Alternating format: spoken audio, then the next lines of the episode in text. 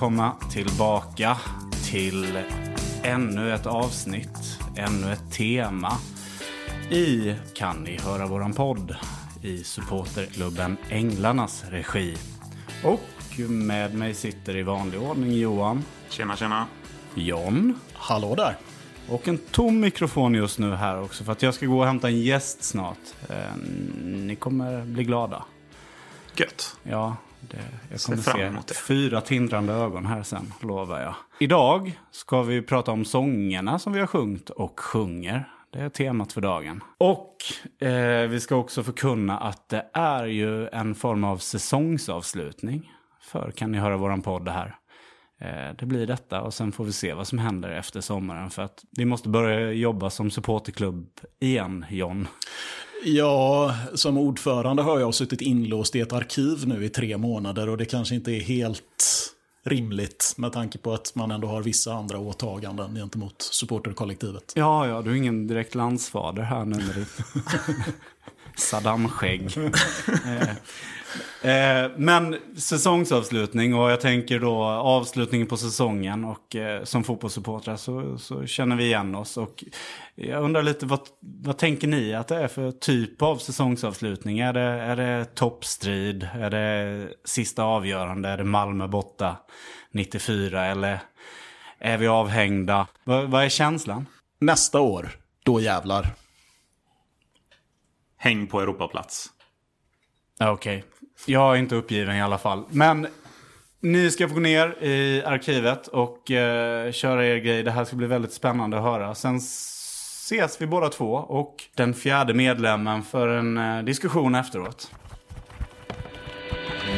I en dyster katakomb under ett gammalt operahus framför en mörknande orgel komponerande en dyster visa sitter i full Fantomen på Operan-utstyrsel Johan Elisson Fällgrau. Hej! Hej! Där sitter du med Svenska Nykterhetsförbundet. Ja, det stämmer. Vad ska du med dem till? En av eh, många som har försökt eh, slå sig in på den eh, svenska supporterkulturens eh, sångmarknad. Där ser man, och specifikt den blåvita sångmarknaden om jag inte misstar mig. Det känns som att vi kommer till det lite senare, eller? Ja, det har hänt en del innan det. Det har det gjort. Det här är ju Kan ni höra våran poddavsnittet Kan ni höra våran sång? Och du? C.V. Linde ändå, va? Är du inte klar med honom än? Är man någonsin klar med Nej. C.V. Linde? Kanske man inte är. C.V. Linde, blåvit partisan, fucking broder, tror jag vi kallade honom senast. Fucking bror. Jag vill börja det här avsnittet med att läsa ett citat av C.V. Linde. Får jag det? Ja. Jag kommer nu att läsa ur en fantastisk bok som heter Blågult, fotbollslandslaget genom 100 år, som är skriven av Jesper Högström. Eh, och i den boken så beskriver Jesper Högström en eh, fotbollsmatch mot Danmark 1916 som verkar ha varit den tidens VM 94 i att det gick jävligt bra och sen slutade de aldrig köta om det i typ 20 år efteråt. Det här var typ första gången Sverige vann mot Danmark.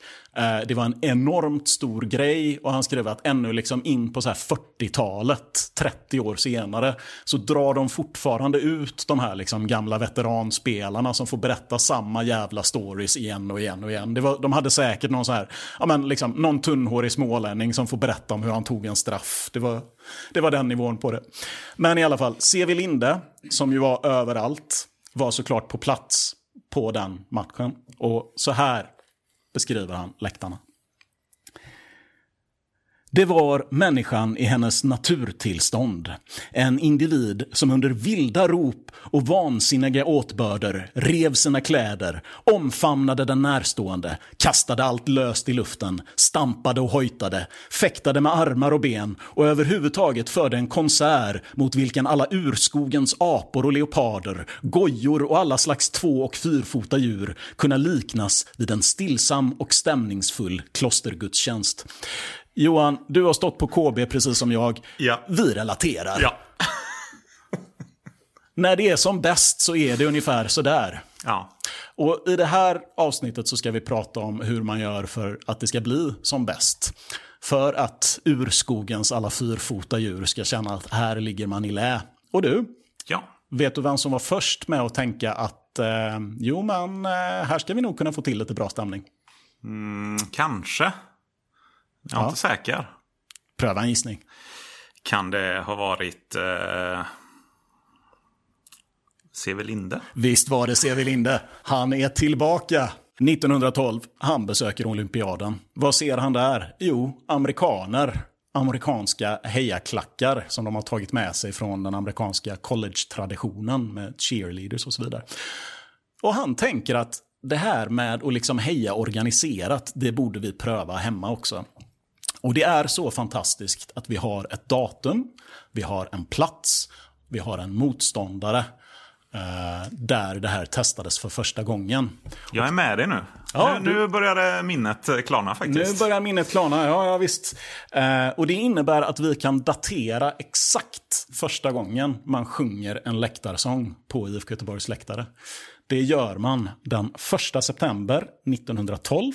Det är andra omgången i svenska mästerskapet. Man möter ÖIS. Matchen i sig går åt helvete, det skiter vi i. Men det man då sjunger och jag kommer nu inte att sjunga, för det kommer bli fruktansvärt. Utan jag kommer endast att läsa upp C.V. Lindes hejarop, som han beskriver så här. Hejaropet lyder.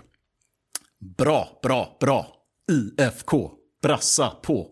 Brassa på, brassa på, brassa på. Fan, visst går det en rusning längs med ryggraden, Pelgren? Visst känner man att Ja. vilket sanslöst tryck som måste ha uppstått. Varför har vi tappat den här ramsan? Men det är alltså C.V. Linde. Eh, han, han rekommenderar också att om det är någon spelare som, som har gjort något bra, då kan man byta ut de här sista tre brassa på mot den spelarens namn. Så man kan alltså sjunga bra, bra, bra, IFK, brassa på, hjälm, hjälm, hjälm. Ah. Ehm, Lite dynamik i ramsorna redan då. Ja, man måste ju kunna vara lite spontan och flexibel, tänker jag. Precis. Ehm, men ehm, det, här är, det här uppger alltså IFK Göteborg själva att första gången man testar detta är den här hemmamatchen mot, mot eh, ÖIS 1912. Eh, och 1912 är ju också året då vi kan belägga att det också förekom spontant hejande. Nämligen den berömda Ut med Sandberg-ramsan. Vi är inte klara med Sandberg. Nej, är man någonsin Nej. klar med Gustav Sandberg? En riktig profil på den här podden. Ja, det är ett snällt ord. Jag, jag, tänker, jag tänker Bete Noir. Han, han rör sig som ett dunkelt spöke genom Kan ni höra våran podds korridorer. Då då dyker man upp och man är tvungen att, att, att ta lite... ehm, ta sig an honom. Eh, ja, Gustav Sandberg. Eh, orsaken bakom eh, en del publikskandaler. Eh, verkar inte ha varit någon särskilt balanserad individ. Ja, precis. För vi fick hjälp med lite mer gräv efter att vi hade spelat in förra avsnittet. Just det. Poddens vän Jens på IFK Göteborg Databas. Jens, vi finansierar din forskning i ett decennium om du fortsätter att gräva i Gustav Sandbergs öden och äventyr. Eh, Jens har grävit upp en notis som inte har så mycket med det här avsnittets tema att göra, men som är värd att återges i sin helhet. Det är nämligen så att Sandberg och C.V. Linde var inte bara fiender på plan och utanför plan, det visar sig att de också fick till ett box. Som, som det heter, har jag lärt mig att det heter med nutida parlör. Det, vi har nämligen en anmälning till Riksidrottsförbundet som gäller överfall och olämpligt uppträdande. Och det är C.V. Linde som anmäler Gustav Sandberg som enligt anmälan överfaller honom. En gång i tamburen i en restaurang och andra gången vid en danstillställning. Och anledningen är att C.V. Linde har kritiserat Sandberg i en text i Nordiskt idrottsliv. Så, så, så det, det, det blev fight. Men det var inte jämna nummer. Skurken Sandberg, ja fy fan, skurken Sandberg tog med sig en kompis. Obror. Obror. Eh, dock vapenfritt vad jag kan utläsa. Eh, men ja, eh, Sandberg, fortfarande obror. C.V. Linde, jag hoppas han vann. Hoppas att han lyssnar på det här någonstans i himlen. Ja, precis. Fucking bror. Fucking bror. Jag vill också lägga in att eh, jag är motståndare mot våld. Men det var Sandberg som började. Exakt. Om man kollar lite vidare på, eh, du var inne på USA, eh, olympiaden 1912. Hejaramsan, eller läktarropet kanske man snarare skulle kalla det. Ray, Ray, Ray, USA. det var inte mer avancerat än så. Men det väckte uppenbarligen idéer hos C.V. Linde och det väckte idéer hos eh, andra också. Det, den här gav även upphov till troligen den mest klassiska svenska ramsan genom tiderna. Om man ser utanför Blåvitt-kretsar. Mm-hmm. Det var nämligen så att till eh, en landskamp mot eh, Danmark på hemmaplan året efter. Så eh, konstruerade en svensk-amerikansk friidrottstränare, Ernie Hjertberg, en rad, eller några rader, som jag tror alla känner igen faktiskt. Heja grabbar, friskt humör. Det är det som susen gör. Precis. Och sen heja, heja, heja. Eller Sverige, Sverige, Sverige. Kunde bytas ut lite. Det här eh, ledde till egentligen vad man skulle kunna kalla en, en epok i svensk hejaklackskultur. Där man hade en hejaklacksledare. Mm. Som uh, ledde ramsorna. Precis, det här kan man se på, uh, det, det, finns ett videoklipp på, på nätet som har gått runt på Twitter bland annat. Från en match mellan Blåvitt och AIK på 20-talet. Uh, där man ser en, en person stående med en så här stor jäkla tratt. som svänger med hatten och liksom leder massorna. Um, och just det här organiserade hejandet, vi ska återkomma till det lite senare, men mm. det är ju mm. tämligen unikt för Sverige. Ja. Uh, och det är ju just organiserat också. Man ger liksom berömda eh, personer ur kulturlivet kan få i uppdrag att liksom skriva en ramsa mm. till en, en viktig landskamp och sådär. Exakt, och det, det, är till och med så att eh, lexikon på den här tiden, om man läser ur Nordisk eh, familjeboks sportlexikon, så förklarar man där att hejaklacken, eh, och jag citerar, anföres av en ledare som bestämmer vilket hejarop ska användas. Eh, och att heja, hejningen alltid måste vara ridderlig, det vill säga ej hånande för motståndaren. Där ser man.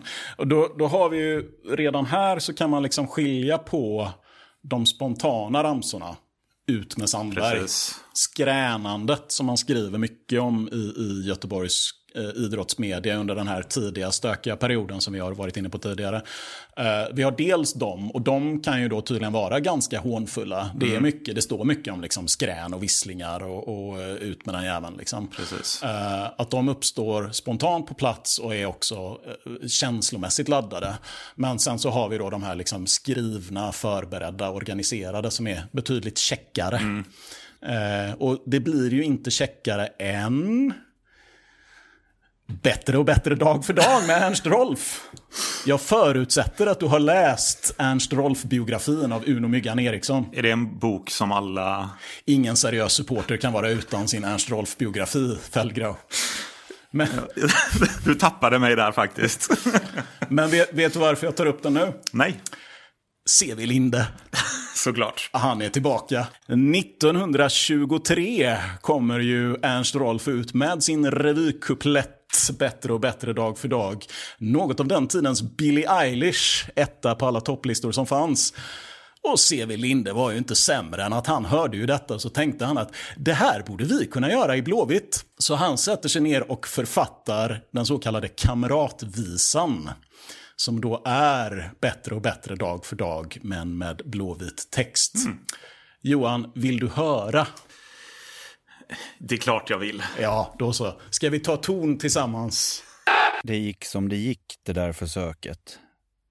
Det är inte lätt att hålla rena toner i en dyster och dammig katakomb. Istället kommer här ett smakprov på hur det kunde låta på 20-talet. Eller snarare hur det låter under 2020-talet efter ett styrelsemöte. Dessvärre var medlemmarna med musikalisk touch ja, frånvarande från just detta möte. Så här, Ernst Rolf, omförfattad av C.V. Linde, tolkad av supporterklubben Änglarnas styrelse. Bättre, ja bättre dag för dag. Bättre, ja bättre dag för dag. IFK tid är laget som aldrig till livet tappat taget. Fast än ibland kan man noll så kan vi ändå spela boll. Ah, ah, ah, ja, vi blir bättre och bättre dag för dag.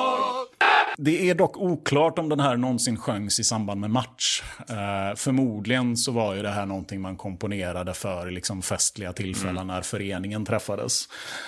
Um, men eh, ja, eh, där får man ju en liten fingervisning om varifrån man hämtade stoffet Ja. till ramsorna. Och inte bara det, man hämtar ju Ernst Rolf ofta som en hejaklacksledare i stora matcher. Han var kanske en av de mest kända hejaklacksledarna. Lite som att ta in Billie Eilish till Capo idag. Ska vi göra det? Nej, Nej, okej då. Vi släpper den biten.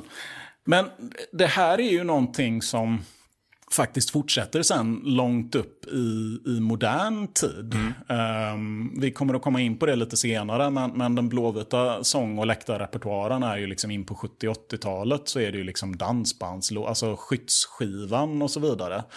Ehm, det här med att liksom skriva egna ramsor och vara originella och vara... Man, man, man måste ju se att det, det är otroligt fascinerande hur länge det faktiskt har sjungits och, och gastats på våra, våra läktare. Men, men att det är så otroligt olika kulturer. Eh, och många av de liksom hederskodex och de oskrivna lagar och regler som, som styr sångerna idag eh, uppstår egentligen inte förrän en bra bit in på 90-talet. nej precis. Så vi som sagt åter, återkommer lite till det. eh, Och även eh, eh, Friskt humörramsan. En Just sån det. som lever extremt länge. Ska vi röra oss lite framåt i tiden nu då? Ja, det tycker jag. Då så. Ehm, får jag läsa ett citat till? Är det av C.V. Linde? Nej, det här är oktober 1934 och det är en bortaresa. Eh, Det är toppmatch.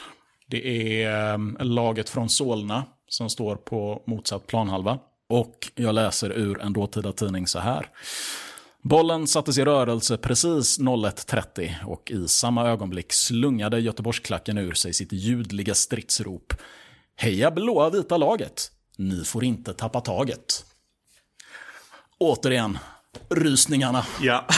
Och det är faktiskt en melodi som återkommer lite också. Jag har ett klipp här från 1935 i ett derby mot ÖIS. Eh, där eh, man leder serien. AIK strax efter. Man vinner mot ÖIS och därmed kör man en, en lite nykomponerad för tillfället. Heja laget vita blå. Sätt nu stopp för AIK. Hoppsan. Så det börjar komma in lite nya ramsor åtminstone. Lite mer dynamiskt utifrån matchsituation och tillfälle. Vi har ju den här vackra bilden också som finns publicerad i boken Vi som är från Göteborg åker aldrig hem med sorg. Uppslaget sidan 18 och 19. Där man kan se hur vi inför en match mot just AIK håller upp en budskapsbanderoll på innerplan där det står ett välkommen till AIK. Hoppas ni idag får klå. Ehm, som jag tycker är ett, ett budskap som, som väl lever än idag. Ja. Alltid lika aktuellt. Tidlöst helt enkelt. Tidlöst, Ja. extremt tidlöst. Något som är möjligen mindre tidlöst det är ju övriga förslag på, eh, på ramsor. Därför att eh, 1928 så organiserar man en pristävling bland Blåvitts medlemmar. Man gör det här i medlemstidningen, Kamratbladet. Eh, där det gäller att skicka in eh, förslag på ramsor eh, som man kan sjunga. Jag har gått igenom de här ramsorna, Fällgrav. Har du någon favorit? Nej. Nej, det har jag inte. Jag, jag, jag kan säga att eh, den, den första ramsan som nämns, det, det är ett antal då, eh, ramsor. De, de skriver faktiskt, de, de är så fruktansvärt bittra när, när de ska beskriva resultatet i den här tävlingen. De, de skriver verkligen, det är ingen som förtjänar priset egentligen. men, men, men, men den första, det första tipset, det första bidraget eh, skrevs av B-lagsspelaren G. Bark. Eh, vila i frid, B-lagsspelare G. Bark. Du var säkert bra på mycket, men eh, din ramsa är Heja grabbar, spela vackert fram. Som ni kunde gjort i Amsterdam. Kamraterna, kamraterna, kamraterna. Jag, jag, jag ska då... Jag, jag, jag, förlåt mig. Jag måste då förtydliga att det här är alltså en referens till OS. Sveriges uteblivna deltagande i OS. Ja, 1928 var det. Ja, kreativt geni, G. Bark. Tack, tack så mycket. Ta tack för ditt bidrag. Eh, nästa person eh, är O.H. Persson. Du vet hur man brukar prata om, om mummelramsor. För mycket text, för lite rytm. Eh, svårt att liksom...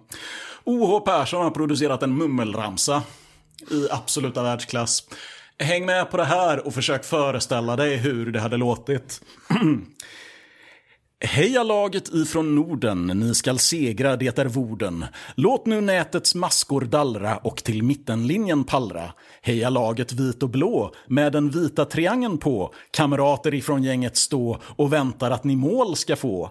Heja Nordens A-lagsgäng, ge det andra laget däng. Visa att ni kan gå på för att poängen nå. Heja stjärnan i sin klyka, klistra så liksom Sigge bruka. Heja mannen ut i målet, låt ej någon göra hålet. Heja grabbar friskt humör, bästa laget segern hör. Det som ej har lyckats därmed skall ej uppge spelet härmed. Bestod hela publiken av körsångare på den här tiden som skulle klara av att hålla det där i huvudet? Jag, jag, jag är stum. För första gången i poddens historia är jag stum inför O.H. Persson och hans uppfattning om vad som är ett effektivt hejarop. Han, han, recense, han recenseras enligt följande. Vi tackar herr Persson för hans intresse. Men vi fruktar att vi inte kan tilldela honom något pris. Fan, man, man tycker han har ju lagt tid på det Ja, här. ja, ja. Han borde blivit poet. Ja, han var poet. Ehm, sen kommer då fyra korta verser ifrån eh, tävlingens vinnare, medlem nummer 1166. Eh, som redaktionen då skriver att det är inget bidrag som är förtjänt av priset, men, men han har i alla fall gjort den genomgående bästa prestationen. Eh, och han har då skrivit fyra ramsor. Eh, en av dem är Heja blå och vita laget, tappa bara inte taget. Men han lägger till två rader. En har ni ej vunnit slaget, heja heja heja heja. Mm. Eh, sen är det nästa ehm, som jag tycker hade kunnat funka som eh, växelramsa. IFK, spela på, ta poäng, inte däng. Ja. Tänk dig den mellan eh, LS och KB. Ta poäng, inte däng. Eh, sen har vi då IFK, IFK, spela på, spela på, mera mål vi väntar på. IFK, IFK. Och sen när han var riktigt trött så skrev han heja på IFK, heja på, heja på IFK. Eh, och han vann med de här Ja. bidragen. Så, så det säger ju liksom någonting. Precis. Det, det, det kan man... eh, Man kan märka det när man rotar i arkiven att, att de flesta, om man säger intressanta ramsorna eller där utvecklingen gick framåt var kanske inte i allsvenska matcher eller i landslagsmatcher utan snarare i skolmästerskapen som var rätt, rätt stora på, på ja, en bra bit in efter andra världskriget. Okej. Eh, där har vi klassiska skolor som Norra Latin från Stockholm eh, som ofta var i, i final om jag inte minner mig med fel. Men där har vi ett exempel från 1934 som faktiskt, eh, skulle man kunna säga, en eh, liten föraning till eh, Varför sjunger inte ni? För de Norra Latin mötte i finalen eh, Norrköping. Norrköping ledde så Stockholm och Norra Latin låg under. Och Norrköpingsläktaren kör igång Heja Stockholms hejaklack! Varför tystna ert snack? Fy fan vad gött. Man mår ju aldrig så bra som när man sjunger Varför sjunger inte ni? Nej, det, det är en god känsla. Jag, jag tror aldrig, alltså, jag tror aldrig mina endorfinnivåer är på samma nivå som när man får sjunga Varför sjunger inte ni? Det, det är liksom, det är det absoluta höjdpunkten på en given fotbollsmatch för mig. Men du, Ja. om vi snackar 30 och 40-tal så ska jag väl prata om den intressantaste ramsan av dem alla. Det tycker jag absolut att vi ska göra. Där vet jag att du har en del att säga. Ja, eh, ni kan kanske gissa vilken ramsa det är. Vi pratar såklart om den som namngav eh, vår bok, Vi som är från Göteborg. Eh, den här ramsan, överlägset, skulle jag säga, den ramsa som har levt eh, och lever i svensk eh, supporterkultur. Ja, det finns väl ingen... Jag vet att vi pratade om det här just när vi, när vi satt och skrev boken. Att det finns ingen annan ramsa från 40-talet som liksom fortfarande sjungs regelbundet.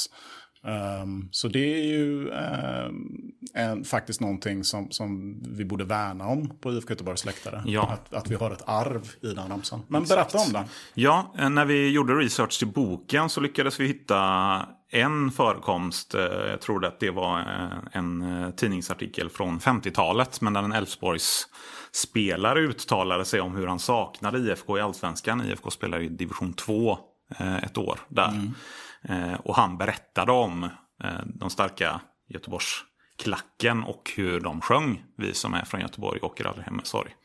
Eh, och man kan rota lite och härleda sig för han pratar om att de förlorade stort mot Blåvitt. Eh, och gissningsvis så refererar han till 1900, 1947 när han säger det då. Blåvitt vann stort eh, på, om de spelar på Ryavallen då möjligen. Eh, men vi har även hittat fler exempel på den här ramsan så det är liksom inte heller så att det är en engångsföreteelse. Det, det kan ju vara så att eh, ramsor eh, har dykt upp någon gång och så dör de och så dyker de upp någon gång. Men, men man kan hitta ännu fler skrivelser om den här ramsan om man kollar, eh, hittar en artikel i Expressen från 1948. Den handlar egentligen främst om något som hörde hemma i förra avsnittet för rubriken är Läktargruff vid Jönköpings match. Där ser man. Eh, Men den avslutas med den här texten. Tre av göteborgarna togs om hand av polisen och efterspel vid rådhusrätten är att vänta. För dem gäller alltså inte den hejaramsan som göteborgarna med förkärlek använder sig av. Vi som är från Göteborg åker aldrig hem med sorg. Så det är inte bara så att det här är en ramsa som dyker upp lite då och då, utan den uppmärksammas av pressen också som en ramsa som Blåvitt-supportrarna vanligen eller ofta använder, sig av. Helt enkelt. Vi valde rätt titel på den här boken. Det kan hur? man ju säga. Du, eh, nu kommer vi in på 50-talet. Mm. Ett lite lugnare eh, 50-tal. Ja, ur alla perspektiv. Ja, extra tågen har gått ur tiden. Det är rekordår i Sverige, VM 58 och så vidare. Och så vidare. Och eh, vad händer med eh, hejandet? Det fortsätter på samma sätt som på 10-talet och 20-talet. och man, eh, den, den stora händelsen, eh, eller den stora snackisen på den här tiden är ju fortfarande eh, hejaklacksledare som eldar på publiken. Det blir ganska kontroversiellt det där. Precis, och som, om, som sagts tidigare så, så är det här en rätt svensk företeelse. Det är inte så att vi har hämtat det här från, från något annat land eller tagit influensen någon annanstans ifrån. Utan sedan 1913 hejaklacksledare som leder eh, publiken i vad man ska sjunga. Under eh, VM 58 så blir det här en, eh, ja, som du säger, lite kontroversiellt när man möter Tyskland. Tyskland som bara 13 år tidigare eh, hade en annan slags ledare som ledde sitt land och alla följde blint. Så efter eh, matchen mot eh, Tyskland eh, på Ullevi i semifinalen, om jag inte minns fel, så beklagar ju sig eh, tyskarna över, eller beklagar sig och beklagar sig. De är oroade, rädda. De pratar om hur får det här förekomma att en enda person så... Just det. De, de får lite obehagliga flashbacks Ja. från lite massmöten där det har Exakt. skanderats saker i kör och Här, sånt. här är det Ja, en ja, person som leder alla. Ja, ja, ja. Jo, men det, det är ju, det är ju liksom, de, de beskriver det som masspsykos. Jag har läst, Exakt. eh, eh, jag tror att det är Beckenbauers självbiografi när han pratar om den där matchen. Att liksom, för han spelade ju sen med, med, med tyska landslagsspelare som var med då. Och kunde prata om hur, hur upprörda de var ännu åratal senare. Att det var liksom ett, ett organiserat massupplopp mot världsmästarna.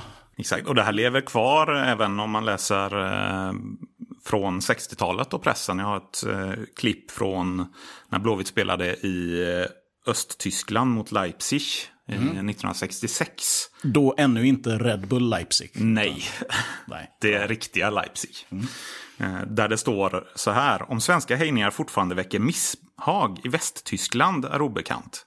Här i Leipzig blev de i alla fall mycket populära hos de omkring 3000 åskådarna. Vilket kanske berodde på att hejakören bestod av IFK-spelarnas fruar och fästmöer vilka med späda men fullt hörbara röster gång på gång kvittrade sitt Heja Blåvitt från läktartribunen. I början möttes detta inslag av undran hos publiken men så småningom väckte blondinernas röster nästan lika stor beundran som gästernas insats på planen. Sicket mys. Det låter inte helt eh, otrevligt. Nej, verkligen inte. Men du, jag inledde det här arkivsamtalet med att konstatera att du satt där med Svenska Nykterhetsförbundet i knät. Det stämmer. Är det dags att bjuda in dem? Ja, det tycker jag. Eller de bjöd in sig själva kan man väl säga? Ja, det kan man väl eh, säga att eh, de gjorde. Det var 1959. Borta mot Djurgården. Precis, den maratonallsvenskan. Längsta eh, serien som spelats, 33 matcher, en och en halv säsong på den tiden. Och när det var dags för att åka upp till Stockholm och möta Djurgården, eh, tågresa, kanske inte den sortens extra tåg som eh, vi pratade om från 20 och 30-talet, men ändå en, en tågresa. Så var de där. Det kom rejält med folk. Eh, och det här är också en sån där... Vi har klarat oss ända hit. Eh, jag är stolt över oss. Men nu kommer det för första gången, nu kan jag inte längre undvika skämtet Bayern var först. för, för att i rapporteringen från den här matchen då skriver idrottstidningarna att den blåvita bortaskaran har underhållit stockholmarna med att sjunga allsång. Mm. Och det skriver man rakt ut. Har det här någonsin hänt på en svensk idrottsläktare tidigare? Och ja, då kommer det, det naturliga skämtet. Ja, för Bayern var först, för Bayern är först med allt. Så, nu kan vi släppa det, gå vidare. Vi går vidare. Kon konstatera att man sjöng allsång. Och nu, nu ska du äntligen få ta det här med Nykterhetsförbundet. För de Ja. är också med på den här resan. Ja, det, det var ju, även om det var en lugn All- tid så var det nog eh, All, fylla. alla vill väl ha Nykterhetsförbundet i bortabussen, eller hur? Självklart. Fan vad man är pigg på att ha med dem i bortabussen ändå. De är inte bara där för att festa till det, utan de har med sig en liten folder. Ja, de tycker väl att det vore bra att kombinera lite sånger med nykterhet helt enkelt. Eh, Och ett exempel på, det är en hel, mm, ja vad är det, ett uppslag åtminstone. Fyrsidigt eller tresidigt. Med ett antal ramsor. eh, Som alla egentligen handlar om att hålla sig nyktra. Vi kan väl eh, ta ett exempel. Vilket bra ämne för ramsor ändå. Ska man ha ett tema så ska man ha ett tema. Ja, det, det är marginellt bättre än han O.H. Persson. Men, men kör på, låt oss höra. Eh, Det är väldigt enkla ramsor. Vi, vi tar ett exempel. Mm. Eh, Götets änglar ska vi hylla. Bäst vi gör det utan fylla. Var det någon som liksom köpte det här? Nej, att, att döma av rapporteringen i efterhand från den här matchen så, så tror jag inte att de här sångerna togs upp överhuvudtaget. Och det kan vi väl vara glada för. Jag tycker bara det, vi, vi pratade förut om det här med liksom olika kulturer och sånt där. Jag, jag bara föreställer mig hur liksom en så här intresseorganisation marscherar in på läktaren och börjar dela ut foldrar. Bara, det här kan ni sjunga killar. Jag undrar hur många minuter det skulle dröja innan. Ja, herregud.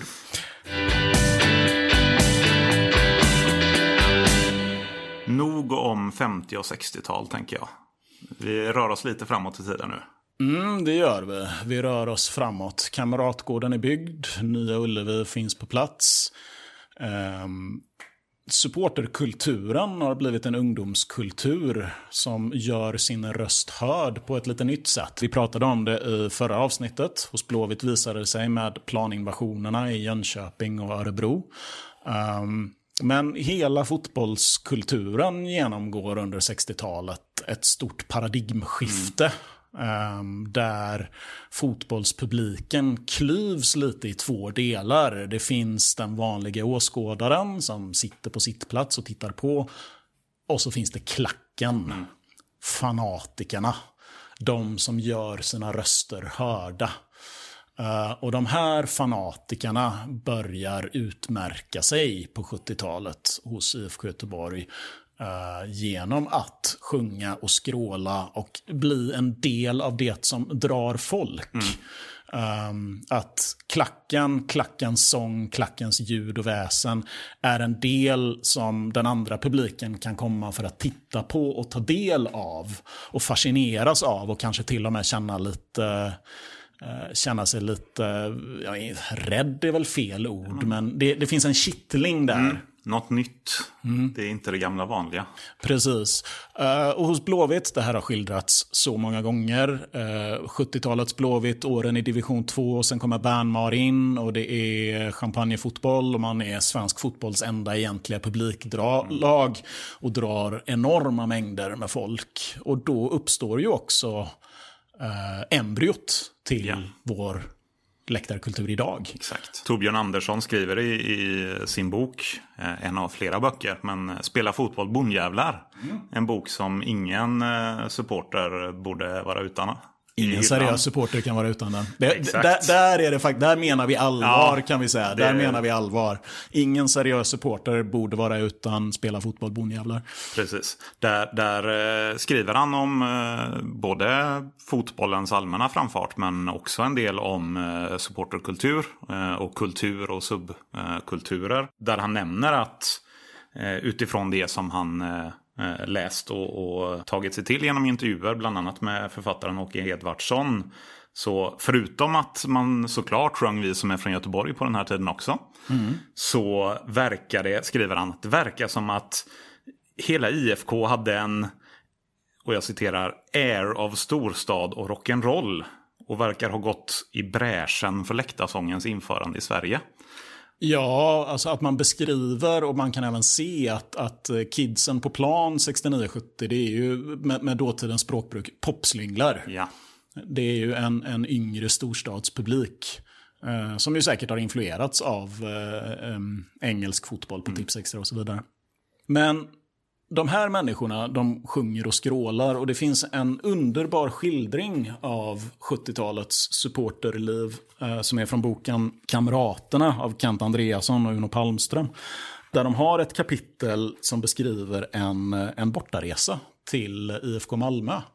Ehm, 1975 borde det vara, för boken kommer 76. Det är borta mot IFK Malmö. Och där skriver man att de supportrarna de skrålar och sjunger bland annat Lär dig krypa, lär dig gå, lär dig älska IFK. De sjunger också en sång som jag har läst beskrivas som deras särskilda favoritramsa. Och det är en ramsa som går Blåvitt i vårat lag, ingen kan slå vårt blåa vita lag. Men jag har ingen aning om hur den här ramsan är tänkt att låta. nej. Nej. Den har ju helt försvunnit. Ja. Andra, för den här, det här reportaget är från 70 75-76. Det är den tiden då liksom skyddsskivan släpps. Som ju blir, eh, om vi, om vi ska prata om någonting, alltså en händelse som, som, som ger en klang in i våra dagar, så är det ju skyddsskivan. Det är liksom inte bara Heja Blåvitt, utan det finns fler Precis, texter och låtar på den. Jag menar, vi, vi kan höra ehm, aj, aj, aj. Det rasslar ut i nätet, precis. Precis. Även om det inte är en läktarsång så, så har man den ändå någonstans i huvudet. Att den finns där. Precis, och, och framförallt eh, Då är vi med. Ja. Som, som ju är liksom en, en hit på läktaren. Eh, AIK, Malmö FF glömmer vi. Ja. Och så vidare. och så vidare. Eh, men, men just den här ramsan har, har tappats bort. Det roliga med det här reportaget det är att, vet, vet du vad de hypar? Den, den särskilda grejen som Blåvitt supportrar har börjat med. Är det alkohol? Nej. Nej, nej, nej. De, de, de hypar konceptet spelare X vinka, vi vill se. Ah. Ove Kindvall som spelade i, i Blåvitt då säger att ja, det är en rolig grej. Jag har aldrig varit med om något liknande. Eh, och, och det kan ju vara kanske det, det tröttaste man vet i ramsväg. Men, men ja, nej, då var det, då var det hippt och kul och, och vilken grej. Vi, vi kan också notera att eh, en, en sista sak ska jag säga. Jag, jag rekommenderar varmt för övrigt att, eh, att alla eh, Seriösa läser. supportrar. Ja, precis. Skaffa den här, eh, skaffa den här boken och, och läs det här reportaget. För det är en underbar skildring av en, en bortaresa för, från 40 år sedan. Men, men, men vi, ska, vi ska ta oss an lite det här också med de spontana hånramsorna. Det står nämligen så här. Anders Bernmar tycker om en hög stämning på läktaren. Den ramen kring Nya Blåvitt har han varit med om att skapa. Men han reagerar mot övertramp. Det skadar klubbens anseende. Före matchen ser han en blåvittklädd supporter gå omkring och halsa en burköl. Han går fram till honom. Du grabben, Antingen tar du av dig de blåvita kläderna, eller så kastar du ölburken. När en grupp supportrar skriker kycklingar i talkör till det gulklädda motståndarlaget lämnar han lagledarbänken. Nu slutar ni håna motståndarna, heja på Blåvitt istället! Så att skrika kycklingar till ett gäng i gula tröjor var alltså tillräckligt för att få Anders Bernmar att lämna bänken och säga ifrån på skarpen. Ja, rövaren var delvis fortfarande en man av den gamla skolan. Så är det. Eh, 76 då, samma år som den här boken kommer ut, så släpps även skyddsskivan. Eh, vi har varit lite inne på den. En underbar kollektion av eh, mestadels evergreens från brittiskt snitt. Skytts var ju vid det här laget ett eh, rutinerat dansband. Eh, bildades redan 1962, då under namnet Public Killers. Ja, Kära skytts. Jag finansierar er verksamhet i ett år. Om ni byter tillbaka så att vi kan få säga här kommer Heja Blåvitt med Public Killers. Ja, nej, den, den skivan finns det mycket att säga om. Den eh, gavs ut i samband med supporterklubben. Bert Karlsson hade ett finger med i spelet, det känner vi alla till. Eh, man fick en bärkasse på köpet i fyrfärgstryck. Eh, för att gå in på lite de här, jag, jag, jag kallar dem för bastufakta nu för tiden. Ja. Det här med liksom bastun i Mölnlycke. Det, det är samma grepp här. Man, man, fick, man fick en bärkasse i fyrfärgstryck. Jag vill bara säga det så att det är bevarat till eftervärlden. Ehm, man fick också ett förtryckt allsångsblad. Eh, där det står så här. Sjung med i Änglakören. Alla vill väl ha sång och fest under Blåvitts hemmamatcher. För att ytterligare förgylla stämningen delar vi ut detta allsångsblad till alla änglavänner. När någon av dessa låtar dånar fram ur högtalarna, ta fram ditt häfte och sjung med av hjärtans lust i refrängen. Texterna är hämtade från vår nya LP-skiva Änglalåtar med Skytts och Änglakören. LPn kan du köpa till specialpris under hemmamatch och på klubblokalen Stampgatan 8. Och det, det spännande här är ju just det här att när låtarna dånar ur högtalarna, sjung då med. Ja. Det, det är också en lite annan attityd till vad är bra stämning och vad är en klack och vad är klackens roll och så vidare. Exakt, men det, det kan ju även eh, sägas att Heja Blåvitt som såklart är den stora, stora hitten eh, från plattan verkar ha fått något av ett internationellt genomslag. Mm, har grottat länge i arkivet och försökt hitta varför det skrevs om detta i medierna. Men, men jag har hittat flera exempel där det skrivs i krönikor och texter kring hur eh, folk utomlands, eh, bland annat från Spanien, ett exempel eh, från GT. Jan Höglund skriver om hur Heja Blåvitt eh, framförs i Spanien och det råder rena karnevalsyran. Jag gissar att det fortfarande är svenskar som är där på semester och sjunger. Det är klart att det är infödda, det förstår väl du också. Men det är även citat från eh, till exempel eh, en engelsman från Leicester som på Hotel Sol i Benidorm säger att jag vet inte så mycket om svensk klubbfotboll. Men om man, om man får döma efter den glädje som sprids med den här sången så måste väl Blåvitt vara ett av Sveriges absolut bästa fotbollslag. Ja, det hade han ju rätt i. Ja, Kanske, in, kan, kanske inte enligt tabellerna, men moraliskt Ja. alltid det bästa. Du Johan, ja. är vi färdiga med arkivsnacket? Inte riktigt. Nej, vad har du kvar? Jag har kvar en eh, liten parentes egentligen, men som kanske ger oss en övergång till eh, vår diskussion alldeles strax. Vi har ett 80-tal att prata om. Och även om eh, det som John säger är en eh, supporterkultur i förändring så lever fortfarande i allra högsta grad 1913 års ramsa kvar. Vi tar fram ett uppslag ur, eh, tror det är Expressen, inför den allsvenska eh, premiären 1984. Där man har rotat runt i, i ramsor och såklart så beskriver man historien om eh, 1913 års landskamp mot Danmark och Heja grabbar friskt humör. Men man har även ett stort arkiv med nutida, alltså från 1984. ramsor som sjungs på eh, läktarna. Och här kommer ett eh, litet axplock från det. Så får vi se hur eh, moderna de här ramsorna är. Vi har eh, Elfsborgs. Hejade våra, inte det dära. Trampade främmande pojkar på tära. Ja, jag, mer 1913 än 1984 Ja. i den. Vi har Lär dig krypa, lär dig gå på, på Ullevi såklart. Vi har eh, Heja blåa vita laget, ni får inte tappa taget, Norrköping. Jävla bajtare. Vi har Öster. Heja Öster, friskt humör, det är det som susen gör. Öster, Öster, Öster. Kreativt. Ja. Och vi har eh, Kalmar FF. Heja FFs röda bröder, spela nu så kulan glöder. FF, FF, FF. Det är ju ganska fantastiskt egentligen. Det, det här är liksom, det här är, vad är det, 13-14 år innan vi får en, en aktiv och levande ultraskulptur på svenska läktare. Ja. Och det låter fortfarande, ja men som du säger, det låter 1913 över alltihop.